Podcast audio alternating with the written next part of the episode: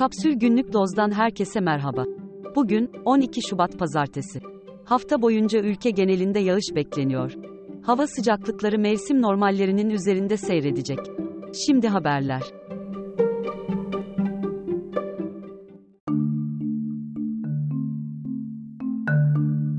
İstanbul Üniversitesi, okulun tüm kampüslerinin hafta içi 8.30-17 saatleri arasında ziyarete açık olacağını duyurdu. Okulda görev yapan Profesör Doktor Murat Birdal, normal bir ülkede üniversitelerin halka kapısını açması elbette desteklenir. Ancak yakın zamanda cemaatlerin önünde miting yaptığı İstanbul Üniversitesi'nde bu karar, alternatif yaşam tarzına sahip öğrencilerin baskılanacağı, güvenlik endişesinin ön plana çıkacağı bir ortam yaratacaktır, dedi.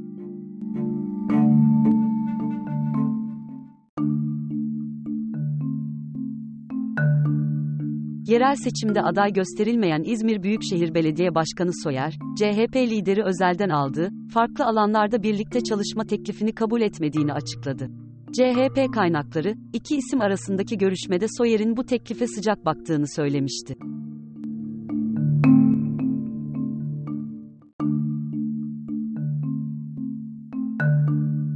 İstanbul Planlama Ajansı'nın araştırmasına göre, İstanbul'da 4 kişilik bir ailenin ortalama yaşam maliyeti 53.058 lira oldu.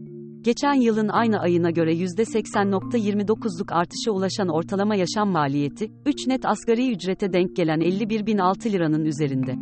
Son bir aydaki artış ise 3.899 lira.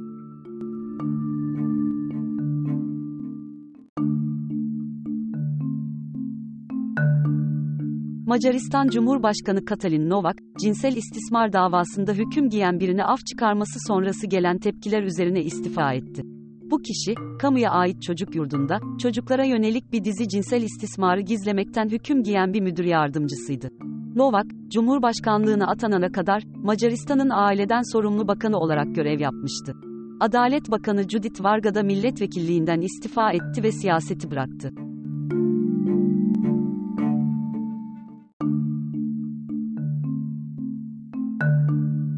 Hollanda'nın 1977-1982 yılları arasında başbakanlığını yapan Tris van At ve eşi Eugenie, ikili ötanazi yöntemiyle el ele hayatlarına son verdi.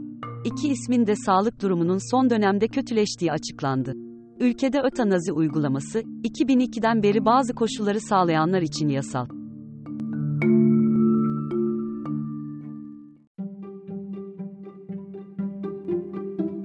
Daha fazlası için kapsül.com.tr adresini ziyaret edebilirsiniz.